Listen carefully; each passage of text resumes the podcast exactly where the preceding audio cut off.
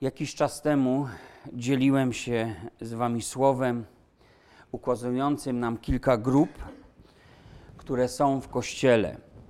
Mówiliśmy o niemowlętach i dzieciach, mówiliśmy o młodzieńcach i ojcach. Zaczerpnęliśmy to z pierwszego listu apostoła Jana.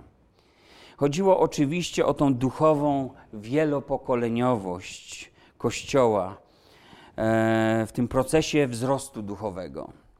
Każde starsze pokolenie ma pewne zadanie wsparcia i poprowadzenia tego młodszego ku dojrzałości, w dorastaniu do pełni wymiarów Chrystusa. I zatrzymując się przy ojcach, którzy odgrywają, myślę, szczególnie istotną rolę dla wskazania tego kierunku, tym podążającym ich śladami, postawiłem przed nami wówczas takie pytanie, nie wiem czy ktoś je pamięta, co począć, gdy zabraknie ojców? Co zrobić, gdy ojcowie odejdą? Nie chciałbym powiedzieć, gdy ojcowie zawiodą, bo to też się niestety zdarza. I ważnym stało się przypomnieć sobie wówczas tekst listu do Hebrajczyków, który mówi nam o istotnym dziedzictwie, jakie posiadamy w takich sytuacjach. I przeczytam go może jeszcze raz, poszerzając o niewielką treść. List do Hebrajczyków, 13 rozdział, siódmy werset do dziewiątego. Pamiętajcie na wodzów waszych, którzy wam głosili Słowo Boże, a rozpatrując koniec ich życia, naśladujcie wiarę ich. Jezus Chrystus wczoraj i dziś ten sami na wieki. Nie dajcie się zwodzić przeróżnym i obcym naukom. Spójrzmy, jak ważne jest dla ojców wiary, dla tych przewodników naszej wiary, aby ci, którzy poznali Boga i wytrwali z Nim od początku, by oni dokończyli tego biegu równie dobrze, równie przykładnie, by do końca dali ten wzór godny naśladowania, by wiarę zachowali, boju dokonali, biegu dokończyli. I słowa mówiące o Jezusie tutaj, że jest taki sam, niezależnie od upływu czasu, niezależnie od okresu, w którym ludzie żyją. W tym kontekście oznaczają, że wiara i cały wynikający z niej sposób życia, za którym podążali ojcowie, nie przedawnił się. On jest aktualny dla każdego kolejnego pokolenia. A więc mogą nam w wierze przewodzić. Takie atrybuty jak świętość, jak wierność, jak, jak miłość, takie atrybuty nie poszły do, jak to mówią, do lamusa. Takie cechy jak radość, pokój, cierpliwość, wytrwałość, znamy je pod nazwą owoce Ducha Świętego, nie muszą być jedynie jakimś wspomnieniem po pokoleniu dziadków, no oni to byli ci spokojni, ci tacy wierzący z dużej litery. To niezwykle ważne jest, by nie utracić rozpoczętego kierunku, gdy brakuje tych, którzy niegdyś byli z przodu. A dlatego jest to ważne, bo przyjdą tacy, Biblia o tym mówi i zapewnia nas, przyjdą tacy, którzy wypełnią tą lukę, będą chcieli wypełnić tą lukę. Będą podawali się za przewodników, lecz nimi nie będą. Przyjdą, aby zwieść ludzi. A ostatnim z nich będzie ten, który zwiedzie świat wszystkich tych, którzy nie umiłowali prawdy. I nie dajcie się zwodzić przeróżnym i obcym nauką. Jedna z nich jest w dalszej części wymieniona tego listu do Hebrajczyków. Ale co chciałbym powiedzieć? Nie dajcie się zwieść złym wpływom, złym wzorcom, złym filozofiom, sposobom życia, albo nawet jakimś chorym przekazom, zakazom, nakazom, temu, jak pewni ludzie definiują na nowo rzeczy, które są od wieków ustalone przez Słowo Boże, bo te mam dla jasności na myśli. Tak jak przyjęliście Chrystusa, tak w nim chodźcie, nauczał apostoł Paweł w liście do Kolosan. Wszystko, co oddala nas od tej aktywnej, szczerej społeczności z Bogiem, nie jest z Boga i było i jest zawsze szkodliwe, choćby nie wiem, jak ładnie nam to podawano i ile by początkowo korzyści z tego było. Jednak bywa tak, że gdy odchodzą ojcowie, starsi, ci wodzowie, ci, którzy nam przewodzili, to wszystko w życiu niektórych ludzi jakby się kończy, jakby umiera, jakby obracało się w jakąś ruinę. Jakby to wyglądało niczym budynek, którego, który stracił już opiekuna i niszczeje, tu się gdzieś obsypuje, tam gdzieś tynk odpadnie, kolor wyblaknie, dach staje się dziurawy. Widzimy, to nie jest nagła śmierć, ale jakieś takie powolne dogorywanie. Kończy się to, czym żyli, kończy się oddanie pewnym wartościom, kończy się nawet realizacja jakiejś ostatniej woli tych, których już nie ma, a którzy to kiedyś szli z przodu, zdecydowanie szli, szli tak, jakby widzieli samo niebo, trzymali się niewidzialnego, jak gdyby to go widzieli. Mówili: Nie martw się, Bóg jest z nami, będzie dobrze, damy radę. Czyż nie powiedział: Nie porzucę, nie opuszczę cię? I kiedy tych ludzi brakuje, kończą się te wzniosłe, szlachetne pokrzykiwania. Ta młodość chrześcijańskiej wiary gdzieś odchodzi. Czy tak musi być? Przyjrzyjmy się może na wstępie pewnej dziejowej sytuacji w historii Izraela.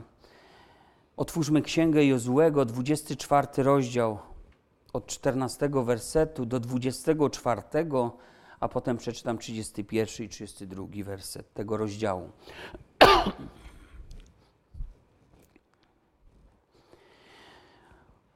Oddajcie tedy Panu zbożną cześć i służcie Mu szczerze i wiernie. Usuńcie bogów, którym służyli wasi ojcowie nad rzeką i w Egipcie, a służcie Panu. A jeśli by się wam wydawało, że źle jest służyć Panu, to wybierzcie sobie dzisiaj, komu będziecie służyć. Czy Bogom, którym służyli wasi ojcowie, gdy byli za rzeką, czy też Bogom amorejskim, w których ziemi teraz mieszkacie. Lecz ja i mój dom, ja i dom mój służyć będziemy Panu. I odpowiedział lud tymi słowy: Niech nas Bóg uchowa od tego, abyśmy mieli opuścić Pana, a służyć innym Bogom. Gdyż to Pan Bóg nasz wyprowadził nas i naszych ojców z ziemi egipskiej, z domu niewoli, i On uczynił na naszych oczach te wielkie cuda. I strzegł nas przez całą tą drogę, którą szliśmy, i wśród wszystkich ludów, wśród których ciągnęliśmy. I wypędził Pan przed nami wszystkie ludy i Amorejczyków mieszkających w tej ziemi. Więc także my, więc także my służyć będziemy Panu, gdyż On jest Bogiem naszym. I rzekł Jozue do ludu, nie możecie służyć Panu, gdyż jest On Bogiem świętym, Bogiem zazdrosnym. Nie odpuści wam przewinień i grzechów waszych. Jeżeli opuścicie Pana i służyć będziecie obcym Bogom, to On odwróci się, sprowadzi na was nieszczęście i wygubi was, chociaż przedtem wyświadczał wam dobrodziejstwa. Lecz lud rzekł do Jozłego, nie tak, ale Panu służyć będziemy. Wtedy Jozue rzekł do ludu, Wy sami jesteście świadkami przeciwko sobie, że obraliście sobie Pana, aby mu służyć. A oni odpowiedzieli: Jesteśmy świadkami. A on na to: Usuńcie tedy obcych bogów, którzy są pośród was, i skłoncie serca wasze do Pana, Boga Izraela. I rzekł lud do Jozłego: Panu Bogu naszemu służyć będziemy i głosu Jego słuchać. I 30, 31. Izrael służył Panu przez wszystkie dni życia Jozłego i przez wszystkie dni życia starszych, którzy przeżyli Jozłego, a którzy znali wszystkie dzieła Pana, jakich On dokonał dla Izraela. Również kości Józefa, które synowie izraelscy sprowadzili z Egiptu, pogrzebano w Sychem na kawałku pola, które nabył Jakub za sto kesów od synów Hamora, ojca Sychema, Należało ono jako dziedziczna posiadłość do synów Józefa. Oto mamy tutaj pewne podsumowanie czasów wielkiego wodza nad Izraelem, Jozuego. Wiemy, jakie są jego początki. Wiele razy usłyszał: Nie bój się, bo jestem z tobą. I odważnie i mężnie kroczył do przodu, obejmując wszystko to, co Pan im dał w posiadanie. To podsumowanie jednak również jest podsumowaniem życia wszystkich starszych Izraela. Lud służył Panu za ich czasów. I potwierdzili to, jak czytalibyśmy tu dalej, kolejny raz przymierzem. Mieli zresztą, trzeba powiedzieć, bardzo doskonały, dobry przykład. Potem, gdy całe pokolenie wyginęło na pustyni z powodu buntu i niewiary, Bóg zachował sobie nowy zaczyn. To był Kaleb Jozue, z którego powołał sobie ludzi mu oddanych. Wyznanie wiary Jozuego było, jak czytaliśmy, klarowne. Ja i mój dom będziemy służyli Panu. A wy? Komu wy chcecie służyć? Zastanówcie się, zapytał ich Jozue. Wybierzcie sobie dziś, komu chcecie służyć. A oni odpowiedzieli: Niech nas Bóg uchowa od tego, abyśmy mieli opuścić Pana, a służyć innym Bogom. I ta deklaracja wydaje się równie jednoznaczna jak ta Jezuego, a jednak wymagała doprecyzowania. Bowiem Jozue, zwracając się do ludu, powiedział im, że to nie może być tak w waszym życiu, że wy teraz zadeklarujecie, że nie opuścicie Pana, ale w praktyce, w tych codziennych waszych sprawach, wyborach, rzeczach, którymi się zajmujecie, to tak naprawdę będziecie także służyli obcym Bogom. W takiej sytuacji nie będziecie mogli służyć Panu gdyż On jest Bogiem świętym, Bogiem zazdrosnym, nie odpuści wam przewinień, grzechów waszych, odwróci się was, od was, sprowadzi nawet na was nieszczęście, wygubi was. Nawet w sytuacji takiej, kiedy będziecie wspominać to, że wyświadczał wam wcześniej dobro, dobrodziejstwa. Jeżeli za Panem pójdziecie, to oznacza, że nie możecie już podążać za czymkolwiek i kimkolwiek więcej. To znaczy, nikt nie może podzielić pierwszeństwa, które należy się Jemu. Nie będziesz miał bogów cudzych obok mnie, mówi jedno z przykazań. Lud potwierdził tą deklarację przymierzem i zaświadczył, że tylko Panu Bogu chcą służyć, że chcą być na wyłączność Boga. I mamy tutaj wzmiankę również, wydaje się mało istotną, o kościach Józefa, które zgodnie z jego ostatnią wolą sprowadzono z Egiptu do ziemi obiecanej. Ale słuchajcie, to jest bardzo ważna wzmianka. O czym świadczy to, co oni zrobili? Mianowicie o tym, że ci ludzie szanowali, honorowali wolę swych przodków, że poczuwali się do odpowiedzialności, do tego, by być kontynuatorami tych, którzy wyszli z Egiptu. Byli przywiązani do treści wskazań i pouczeń ojców. To było dla nich świętością, nawet wówczas, gdy ci ojcowie nie byli już z nimi wśród nich od 400 lat. Szli przecież za Bogiem Abrahama, Izaaka, Jakuba, szli za Bogiem swych ojców, Bogiem dwunastu pokoleń Izraela. To był lud zbudowany na tej jednej tożsamości. Byli ludem księgi, a właściwie trzeba powiedzieć ksiąg, w których zapisano prawo i historię ich ojców, ich dziedzictwo. I oni nie wyparli się tego dziedzictwa. Teraz pisała się ich historia, historia następnych pokoleń. To byli ludzie, którzy mieli swoje osobiste doświadczenia z Bogiem. Niektórzy z nich widzieli cuda, które on uczynił. Głęboko było wyryte to w ich pamięci, ale pozostała znakomita większość młodego pokolenia miała relacje z tych niezwykłych wydarzeń, niezwykłego Bożego prowadzenia niemal z pierwszej ręki. To nie były jakieś baśnie i legendy. Pomimo przeciwności, wielkich warownych miast, olbrzymów, licznych grodów warownych, wrogich narodów. Oni zdobywali to, co Bóg im obiecał, że wezmą w dziedziczne posiadanie. Jozue, który był wyrazicielem wszystkich tych ich duchowych doświadczeń, jakie mieli, On powiedział, a mamy to w księdze Jozułego, 23 rozdział, 14 werset, mówi, po zdobyciu wszystkich ziem, oto ja idę dziś drogą całej ziemi, poznajcie tedy całym swoim sercem i całą swoją duszą, że nie zawiodła żadna z tych wszystkich dobrych obietnic, jakie dał wam Pan, Bóg wasz. Wszystkie się wam wypełniły, a nie zawiodło z nich żadne słowo. Niezwykłe, prawda? Jak myślicie, ile czasu potrzeba, aby taki dobitny przykład życia, jaki otrzymali od Jozułego, aby utracił wpływ na ich życie, aby ich życie zostało przekierowane na inne tory? Ile czasu trzeba? Ile pokoleń trzeba, aby zaprzepaścić dorobek tak niezwykłego, zwycięskiego pokolenia? Aby utracić wszystko, co może było ich gwarancją zwycięstw i wszelkiego powodzenia. No to otwórzmy Księgę Sędziów. Zaledwie jedna strona nas dzieli od tej księgi. Księga Sędziów, drugi rozdział. Przeczytajmy od siódmego do dziesiątego wersetu.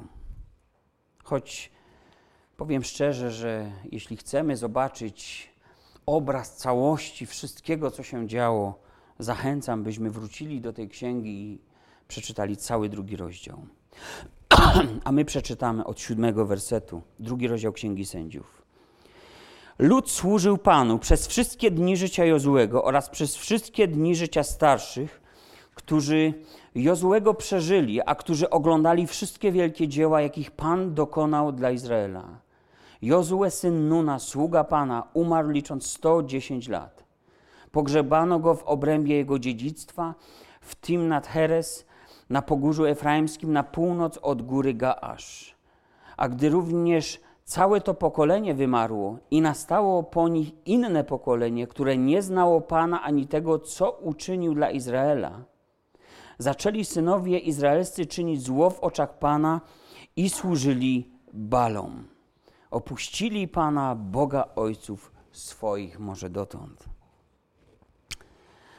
Na ogół w jednym czasie żyją trzy, może cztery pokolenia, w zależności od predyspozycji danej rodziny, czy określonej grupy ludzi i czasu, w jakim funkcjonują.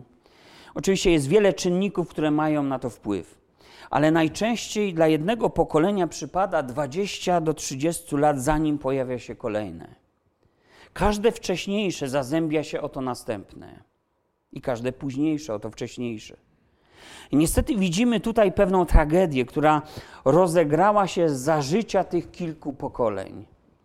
Ojcowie popełnili pewien wyjątek, który stał się w pewnym momencie powszechną regułą dla ich synów.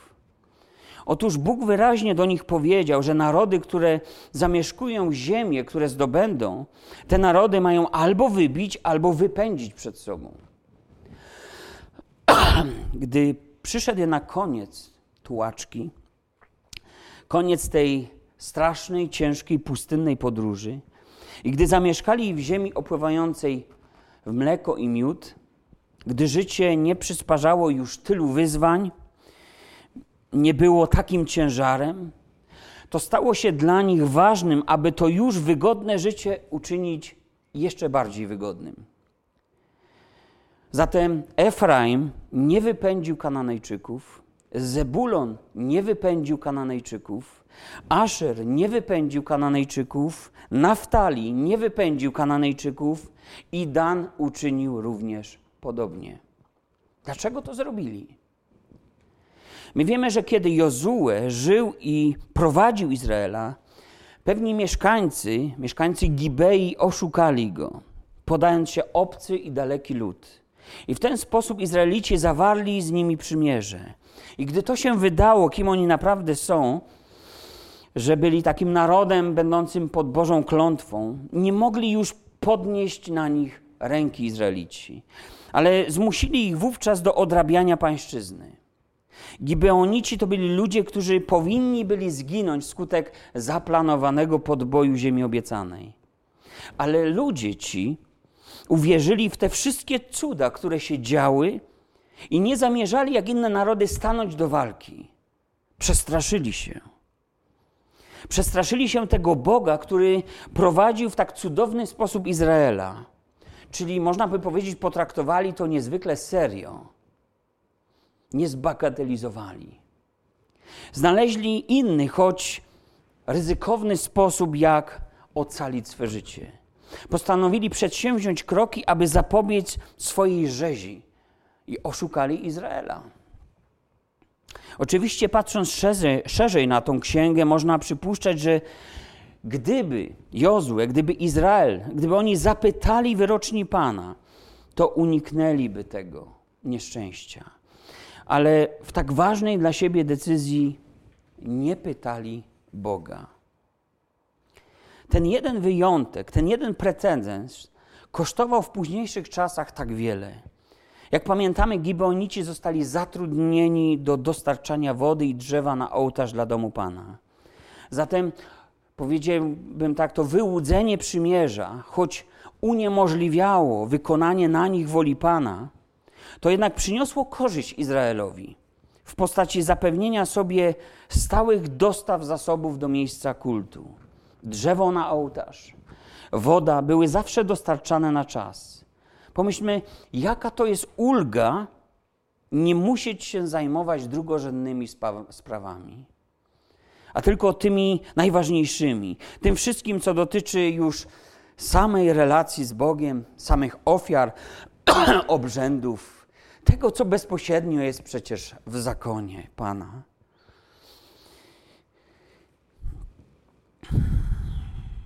Każdy błąd można jakoś zagospodarować.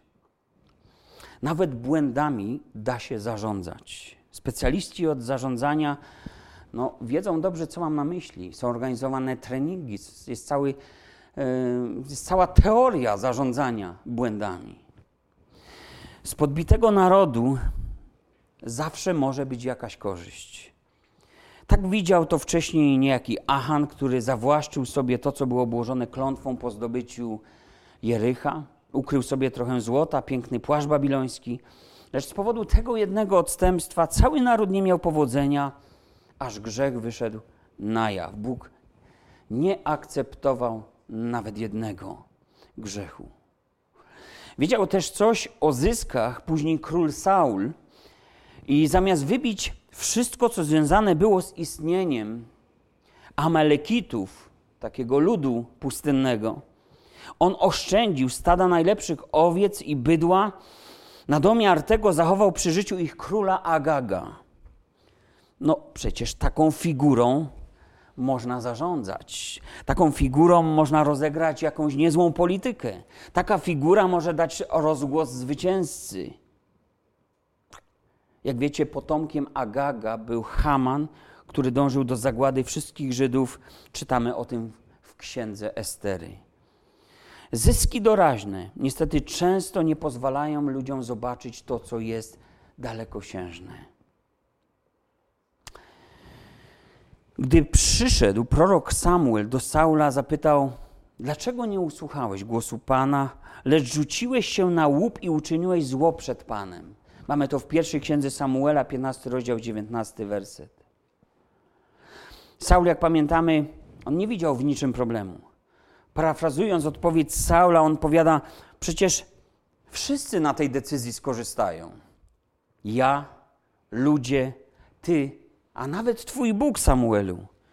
Lud, który pobrał z łupu najprzedniejsze sztuki bydła, owiec, teraz zobacz, składa je Twojemu Bogu na ofierze. Jak brzmiała konkluzja? Pierwsza Samuela, 15 rozdział, 22 werset. Bardzo ważny fragment. Czy takie ma Pan upodobanie w całopaleniach i w rzeźnych ofiarach, co w posłuszeństwie dla głosu Pana? Oto posłuszeństwo lepsze jest niż ofiara, a uważne słuchanie niż tłuszcz barani. Co więc jest lepsze i co się nam skalkuluje, opłaci? Ludzie dzisiaj kalkulują ten rachunek zysków i strat. Tak łatwo można wejść w ten sposób na drogę nieposłuszeństwa, nie doświadczając żadnych tego negatywnych skutków, same pozytywne, a przynajmniej tak jest na początku. Tak łatwo jest nie dostrzegać skutków naszych życiowych wyborów, które dotkną życia następnych pokoleń. A teraz wróćmy do tego Izraela, do czasów, gdy odeszli ojcowie, nie ma już Jozułego, nie ma starszych Izraela, nie ma już tych, którzy przewodzili, byli takim ich punktem odniesienia, drogowskazem, bo to oni otrzymali przecież słowa od Pana, a myśliśmy za ich wzorem. Widzieliśmy, że ręka Pana ich prowadzi, a oni nas prowadzą. I nagle niepostrzeżenie wydaje się, czytając Księgę Sędziów, że zrywają z tą wiernością słowu na rzecz większej wygody, wydajniejszej konsumpcji, gdyż wszystkie te narody stały się dostarczycielami dóbr, usług i myśli technologicznej. No bo były to narody często bardziej rozwinięte. To były bardziej rozwinięte kultury niż ten wędrujący od wielu lat Izrael po pustyni. Myślę jednak, że, że to, czym, to, o czym tutaj czytamy, że to nie wydarzyło się jednego dnia. Bo ten podbój ziemi obiecanej trwał dość długo. Różnie źródła podają. Jedne mówią o sześciu latach, trochę więcej, a inne nawet o kilkudziesięciu. Zależy, jakie aspekty bierzemy tego podboju pod uwagę. Ale przyjmując jednak z tego pewną średnią, trwało to może właśnie ten czas jednego pokolenia. I coś w czasie tego jednego pokolenia się wydarzyło, co miało bezpośrednie przełożenie na to kolejne. Gdy zabrakło ojców, hamulce puściły i poszli na wszelkie możliwe kompromisy. Zostali złapani na lep swojej wygody i tych przyziemnych pragnień. Błąd, który był wyjątkiem, wypadkiem przy pracy, stał się regułą. Zostali ukołysani tym sukcesem i celebrowaniem swojego wytchnienia od wszelkich trudów wojen, które prowadzili ich ojcowie. A przynajmniej tak było na chwilę, bo wiem, że, wiemy, że później ta sytuacja się bardzo, bardzo zmieniła. Lekcje z pustyni ich dziadków i te cudowne opisy już tak nie przemawiały jak dawniej. Można było je powoli wkładać między książki historyczne. Tymi ich hamulcami, które zatrzymywały ich przed odstępstwem, były w dużej mierze więzy wielopokoleniowe i to, co w związku z tym wynikało. Z rodzin, rodów, plemion, na to składała się jedność narodowa. Ale tym, co dawało im tą niezwykłą tożsamość spośród innych narodów, co ich wyróżniało, co zarazem było tą skałą i spoiwem, na którym to wszystko stało i się tego trzymało, to było prawo Boga. Prawo, które dał Bóg im za pośrednictwem Mojżesza. I to była ich jedyna gwarancja bezpieczeństwa. I to nie było coś, co ich miało krępować i niewolić, ale to, była, to było coś, co dawało im wolność prawdziwą wolność. Jozue i starsi Izraele byli tego pierwszymi powiernikami i spadkobiercami, dziedzicami. Zaglądając do pewnego psalmu, a jest to psalm 90, nazywany modlitwą Mojżesza, męża Bożego, on rozpoczyna się słowami: Panie, Tyś był ostoją naszą z pokolenia w pokolenie. Z pokolenia w pokolenie ta ostoja, ten sam fundament, ta sama skała. Jak to możliwe? Wiemy, że psalm ten mówi o przemijaniu i daje nam jakże ważną wskazówkę. Psalm 90, werset 12. Naucz nas liczyć dni nasze, abyśmy posiedli mądre serce. I Mojżesz kończy swą modlitwę słowami: Niech spocznie na nas łaska Pana Boga naszego, a dzieło rąk naszych utwierdzaj wśród nas. Tak utwierdź dzieło rąk naszych. I w tych słowach prośby utwierdź dzieło rąk naszych kryje się ta tajemnica pomyślności tych wielu pokoleń. Nawet Mojżesz był świadomy tego, że potrzebują łaski Pana, aby dorobek jednego pokolenia nie został zaprzepaszczony przez postępowanie drugiego pokolenia aby przyszedł, aby przeszedł jako błogosławieństwo dla synów i wnuków i pomnożył się znowu w tym kolejnym pokoleniu. Zobaczmy, każde pokolenie, każdy naród ma wyznaczony czas działania przez Boga. Jak to mówi apostoł Paweł w kazaniu na Aeropagu, opisane to jest w dziejach apostolskich, Bóg ustanowił dla ludzi wyznaczone okresy czasu i granice ich zamieszkania. A więc każdy ma czas ustalony z góry. Pojedynczy człowiek i cały naród. Potrzebujemy mądrości, Bożej łaski, aby doprowadzić w naszych czasach do sytuacji, że Bóg utwierdzi dzieło rąk naszych. Dla kogo? Dla następnego pokolenia, z pokolenia w pokolenie. Mamy niezwykle trudne zadanie, biorąc pod uwagę liczebność tak zwanych biblijnych chrześcijan w naszym kraju. Tylko pytanie jest takie, o jakie dzieło tutaj chodzi? Utwierdź dzieło rąk naszych. Pomyślmy o nas. O co mogłoby chodzić? O więcej dostatku, więcej wygody, komfort, spokój, bezpieczeństwo, więcej tego, co doczesne. Oczywiście to nie muszą być złe rzeczy. Pytanie jednak jest takie, jak miałoby do tego dojść? Jak my chcemy to sobie zapewniać? Psalm 78, do którego chcę Was też zaprosić, abyśmy tam zajrzeli, śpieszy nam z pomocą i wyjaśnieniem. A przeczytam 11 wersetów tego psalmu. Psalm pouczający, pieśń asafowy. Słuchaj, ludu mój, nauki mojej, nakłoncie uszu na słowa ust moich. Do przypowieści otworzę usta moje. Opowiem zagadkowe dzieje starodawne, cośmy słyszeli i poznali, i co nam opowiadali ojcowie nasi. Tego nie zatajimy przed synami ich, lecz opowiemy przyszłemu pokoleniu. Chwalebne czyny Pana i moc Jego oraz cudowne dzieła, których dokonał. Związał Jakuba przykazaniami i ustanowił w Izraelu zakon, który nadał ojcom naszym, aby głosili go synom swoim aby poznało go następne pokolenie, a synowie, którzy się urodzą, znów opowiadali go dzieciom swoim, że mają pokładać nadzieję w Bogu i nie zapominać o dziełach Bożych, lecz strzec przykazań Jego, żeby nie byli jak ojcowie ich, pokoleniem przekornym i niewiernym, pokoleniem niestałego serca, którego duch nie był wierny Bogu. Synowie Efraima, łucznicy, uciekli w dniu boju, nie strzegli przymierza Bożego, a według zakonu Jego nie chcieli postępować zapomnieli o czynach Jego i o cudownych dziełach, które im ukazał.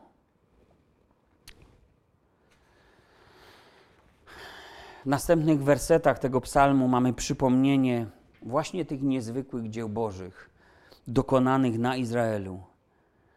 Mamy też przypomnienie upadków ojców od wyprowadzenia z ziemi egipskiej do czasów króla Dawida i budowy świątyni izraelskiej.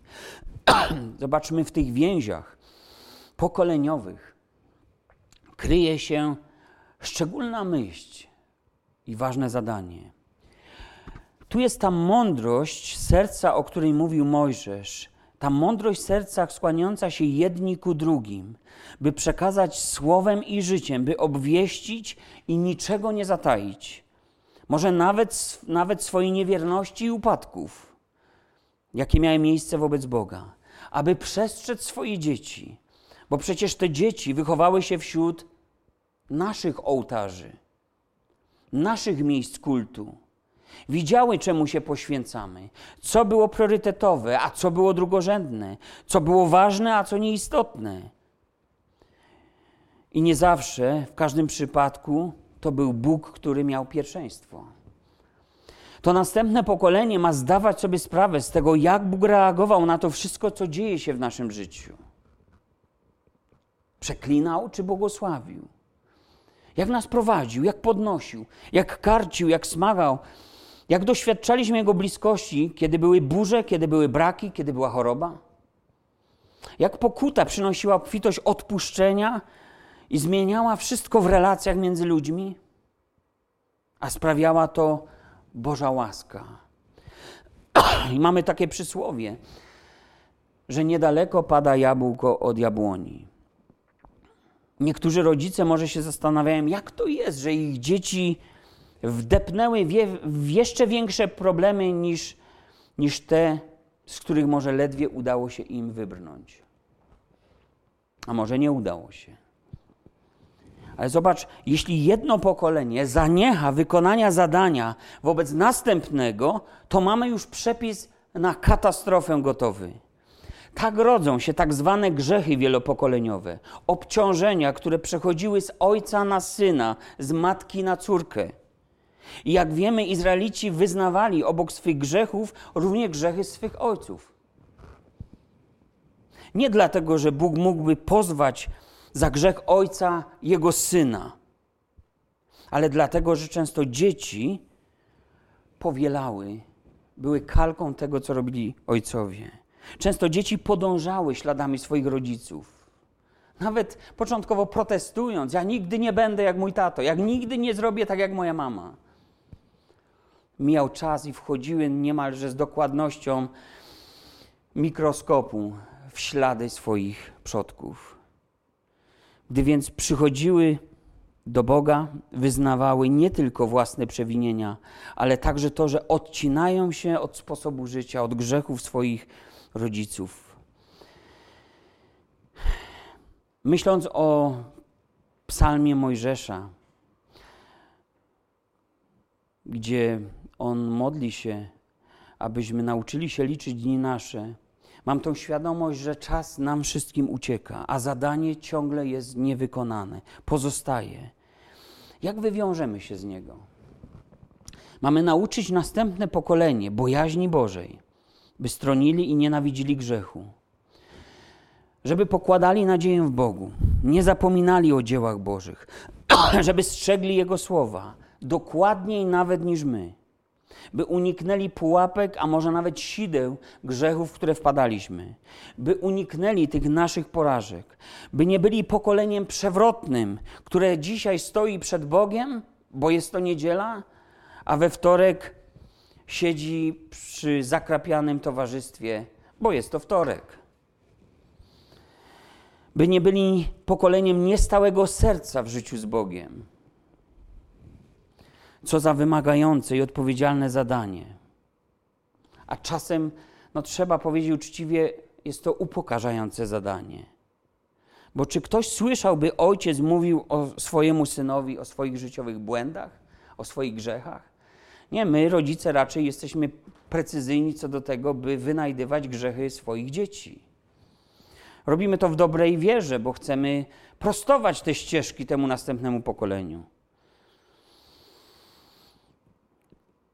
Ale to jeszcze nie wszystko. Trzeba to tak zrobić, żeby zobowiązać dzieci, by uczyły tego swoje dzieci.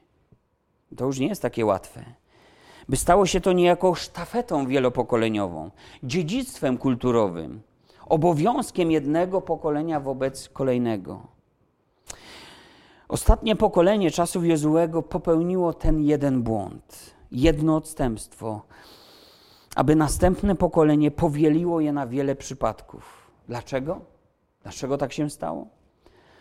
Dlatego, że krótkowzrocznie patrząc, była z tego nie lada korzyść.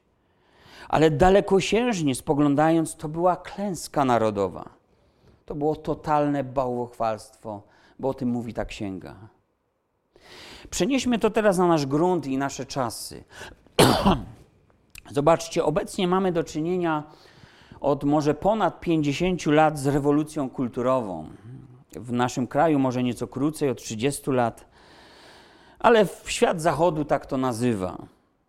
To jest oczywiście raczej taka pełzająca rewolucja niż wszystkie inne znane, które kosztowały wiele przelanej krwi.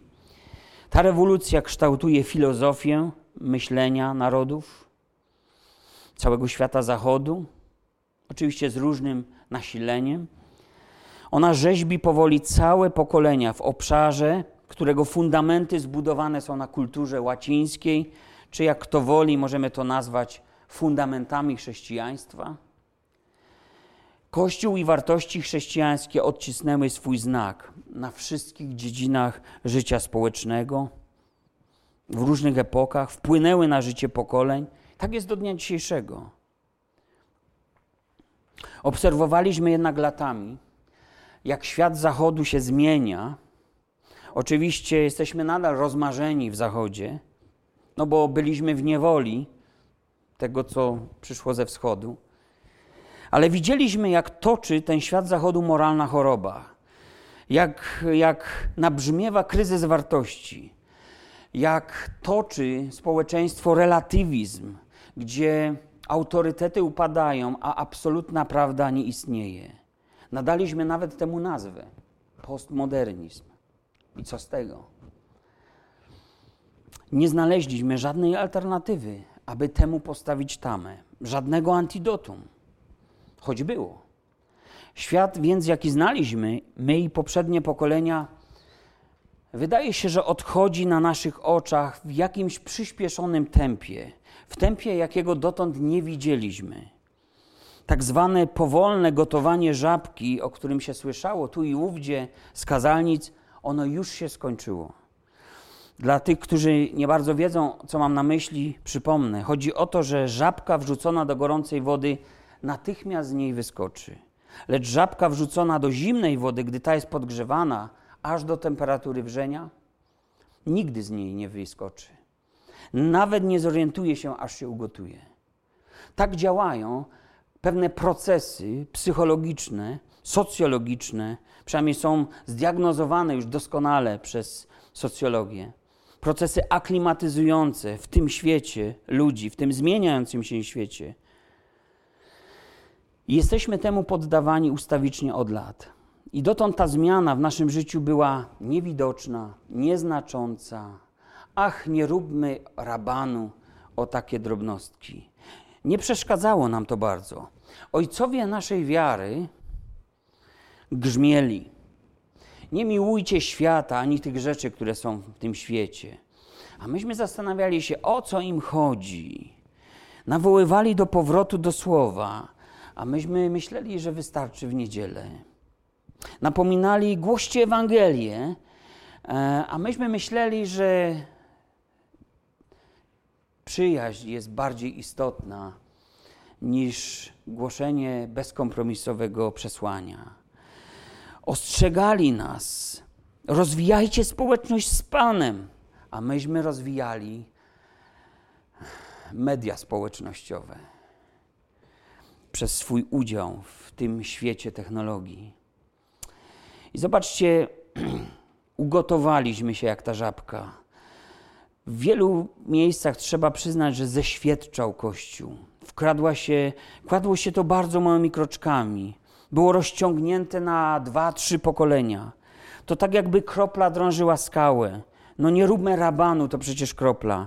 Nie widać żadnego rezultatu, po wielu dniach nawet. Ale po latach okazuje się, że powstała szczelina.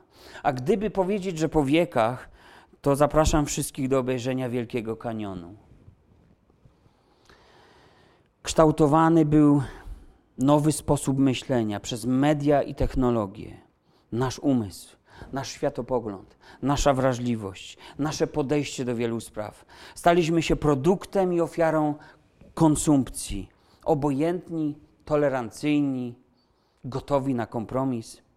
Ja nie mówię o wszystkich i nie wrzucam wszystkich do jednego worka, żeby było jasne.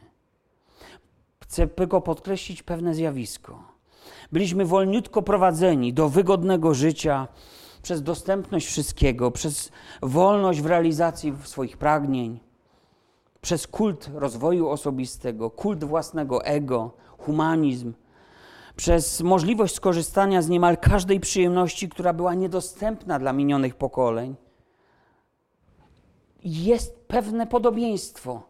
A co było dostępne dla ludu, który 40 lat spędza na pustyni? Teraz wszystko stanęło w zasięgu naszej ich ręki. Wszystko, co dalekie, stało się bliskie. Wszystko, co nieosiągalne, już osiągnęliśmy. Został chyba już tylko kosmos. Teraz przyszedł jednak katalizator, taki mały wirus, wymuszający na nas coś, po czym wszystko nabrało niesamowitego rozpędu. I zobaczyliśmy, jak przemija kształt tego świata. To jest tak, jakby ktoś przewinął ten film na chwilę do przodu że te klatki lecą szybciej. I w końcu zauważyliśmy to. Zobaczyliśmy, już widać dokąd ten świat biegnie. Jest tak, jakby ktoś wcisnął gaz do dechy. Dystans społeczny, to od prawie roku towarzyszące nam ograniczenie. A w niektórych przypadkach to jest niestety koniec więzi rodzinnych, koniec tej wielopokoleniowości, koniec przyglądania się jednego pokolenia następnemu, bo, bo to jest ta izolacja najstarszych przed, przed tymi młodszymi, którzy są w stanie zniszczyć to pokolenie, zarazić. Dotąd było tak, że to ci starsi troszczyli się o młodszych, bo ci młodsi przecież zostaną. Teraz nam to odwrócono. W dobrej wierze, podkreślam. Przecież chodzi o życie.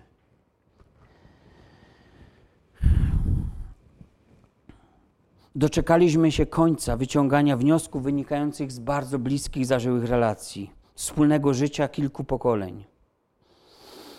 Może jest tak, jak e, mówił jeden z moich poprzedników tutaj, brat Henryk Dedo, że nadchodzi masowy kolektywizm, a on nie stawia już na rodzinę, bo rodzina, wiecie, gra za dużo na siebie. Rodzina to jakiś twór indywidualizmu. Dzisiaj wszyscy muszą myśleć i działać jednakowo. Idzie coś, dlaczego rodzina i Kościół ze swoim dziedzictwem społeczno-kulturowym jest przeszkodą, jest wrogiem. Może jest ostatnim szańcem, którego czeka walka i którego trzeba by pokonać. Jednak Jezus pozostawił nam obietnicę, jakże znaną, obietnicę dla Kościoła, którego bramy piekielne nie przemogą. I to jest prawda.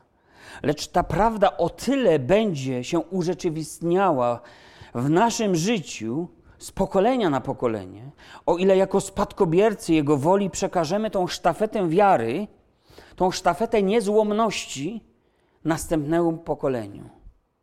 Jeżeli nas złamią, to następnego pokolenia nie ma. I oczywiście przekażemy, o ile nasze pokolenie nie pójdzie na jakieś zgniłe kompromisy, o ile nie zaprzedamy się grzechowi. A z bólem trzeba to powiedzieć, że niektórzy, tak zwani, wierzący w naszym kraju, tą drogą już poszli. Niestety są takie przypadki, to moje pokolenie, tu o tym chcę powiedzieć, 40-50-latków musi upaść na kolana przed Bogiem gdyż to za naszych czasów zaczęliśmy czcić bożka materializmu.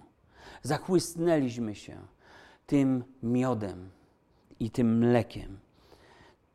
Jak nigdy chyba wcześniej, jak nigdy dotąd. Wyobrażam sobie teraz dziadków, którzy siedzą sami przed ekranami i może niektórzy przysłuchują się naszemu kazaniu. Wyobrażam sobie rodziców, którzy słuchają nas i jeszcze są ze swoimi dziećmi. Ale wiedzmy, że są takie kraje, w których dzieci już są z dala od swych rodziców. Nie dlatego, że dorośli, ale dlatego, że państwo przejęło kontrolę rodzicielską i skierowało te dzieci do innych rodzin zastępczych, do ośrodków wychowawczych, w kontrowersyjnych co najmniej okolicznościach, w niemałej liczbie przypadków. I niestety są już w naszej cywilizacji Zachodu takie kraje, w których ludzie słowo rodzina znają już ze słyszenia. Nie mają osobistych doświadczeń. Są już takie kraje, w których mówi się o człowieku jako jednostce produkcyjnej.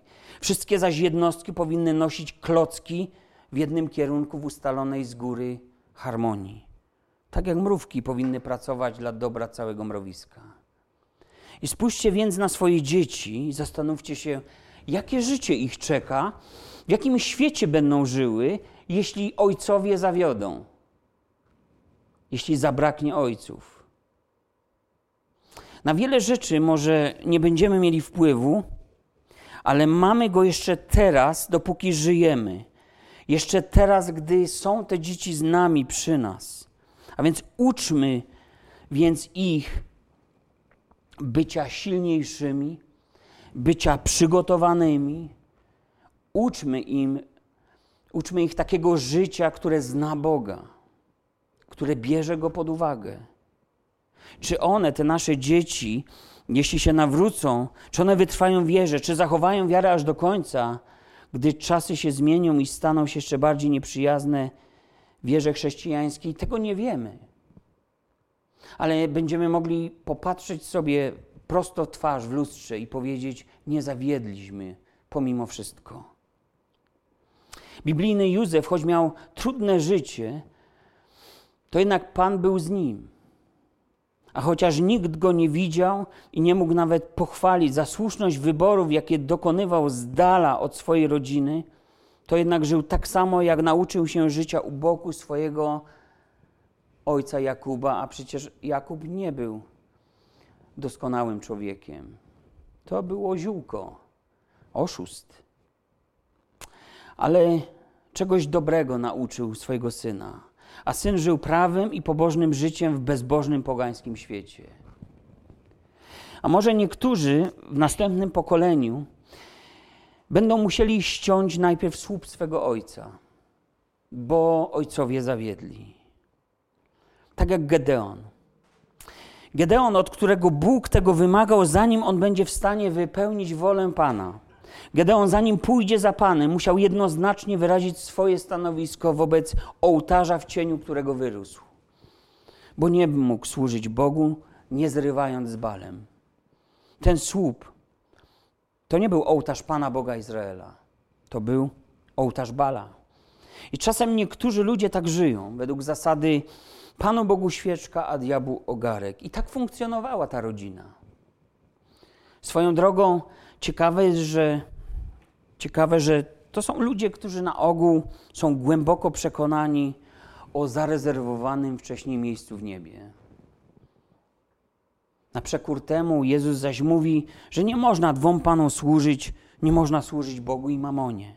Mówi też, nie każdy, kto woła do mnie, Panie, Panie, wejdzie do Królestwa Niebios, ale ten, kto pełni wolę mego Ojca.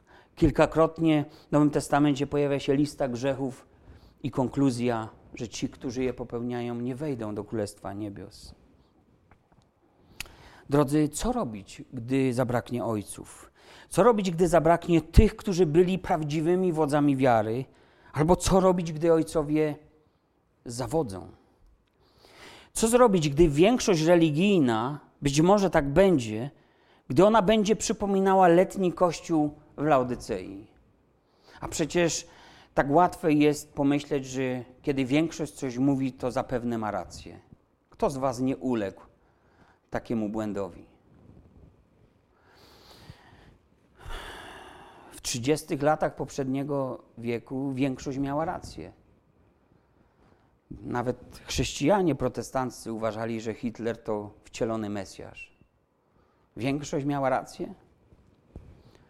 Oczywiście to taki skrajny przykład, ale dający wiele do myślenia. Otóż nawet w najczarniejszych dla ludu Bożego i Kościoła epokach, chciałbym to przypomnieć, że on zawsze miał takich, którzy nie zgięli swoich kolan przed Balem. Bóg zawsze zachowywał sobie taką resztkę, taki zaczyn świętych i wiernych Jemu ludzi. Do anioła zborów Sardes napisz, masz imię, że żyjesz, a jesteś umarły, czytamy. I to wydaje się najgorszym z możliwych opisów Kościoła. Lecz dalej czytamy, uwaga. Lecz masz w Sardes kilka osób, które nie skalały swoich szat, więc chodzić będą ze mną w szatach białych, dlatego że są godni. Jeśli przyjąć, że listy Jezusa do siedmiu zborów przedstawiają również obraz epok Kościoła, to kto wie, czy nie jesteśmy u schyłku takiej epoki. A dalej już jest rozdroże. Rozchodzą się bowiem drogi dwóch kościołów filadelfijskiego i laodycejskiego, gdyż ich charakterystyka jest sobie bardzo odległa. Filadelfia. Przychodzi czas epoki Kościoła mającego niewielką moc, ale on zachował słowo, nie zaparł się imienia swego zbawcy, a więc pozostał przy tej Ewangelii, przy tej starej Ewangelii zbawienia która opiera się na całkowicie na dziele Chrystusa. Ten Kościół dozna wybawienia od ucisku, który przyjdzie na wszystkich mieszkańców ziemi. To jest ta perspektywa Kościoła miłującego, bo to znaczy słowo, to oznacza słowo Filadelfia. Ale przychodzi też czas Kościoła laodycejskiego. To jest pyszny, zawiedziony, zwiedziony, kwestionujący autorytet, odstępczy, zadufany, bogaty, wszystko posiadający, a tym samym z pewnością i przyciągający, a niczego nie potrzebujący więcej. Mający nawet Chrystusa za drzwiami swego kościoła.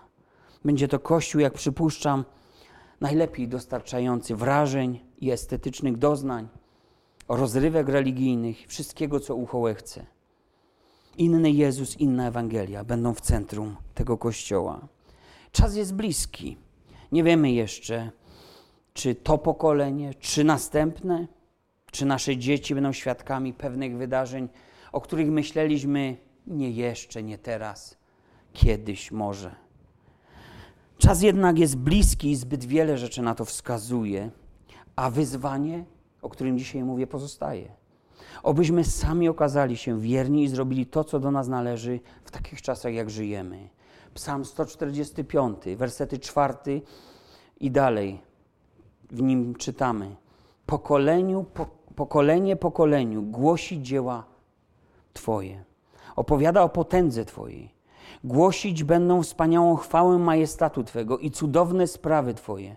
Mówić będą o potędze strasznych dzieł Twoich, opowiadać o wielkości Twojej. Zwiastować będą pamięć wielkiej dobroci Twojej, a sprawiedliwość Twoją radośnie opiewać. Słuchajcie, to jest wyzwanie. Wyzwanie, aby nie składać, w cudzysłowie powiem, broni. Nasz oręż, którym walczymy, jest duchowy i ma moc burzenia warowni diabelskich, i ma moc zmuszać wszelką pychę i wszelką myśl do poddania się Chrystusowi. Pokolenie pokoleniu jest coś winne. Epoka sędziów to czasy, w których każdy robił to, co chciał. Ludzie masowo zawodzili. Każdy, nawet powstający autorytet, ledwie się pojawiał, już upadał. Albo odrzucali go ludzie. I nie było nic pewnego w tamtym czasie, czego można byłoby się uchwycić. Ten okres wydaje się jedną z najczarniejszych kart w historii Izraela obok niewoli babilońskiej. Bóg jednak, pomimo ich odstępstwa, wykonywał swoje dzieło i zapewniał, że wszystkie jego obietnice się ziszczą, wypełnią.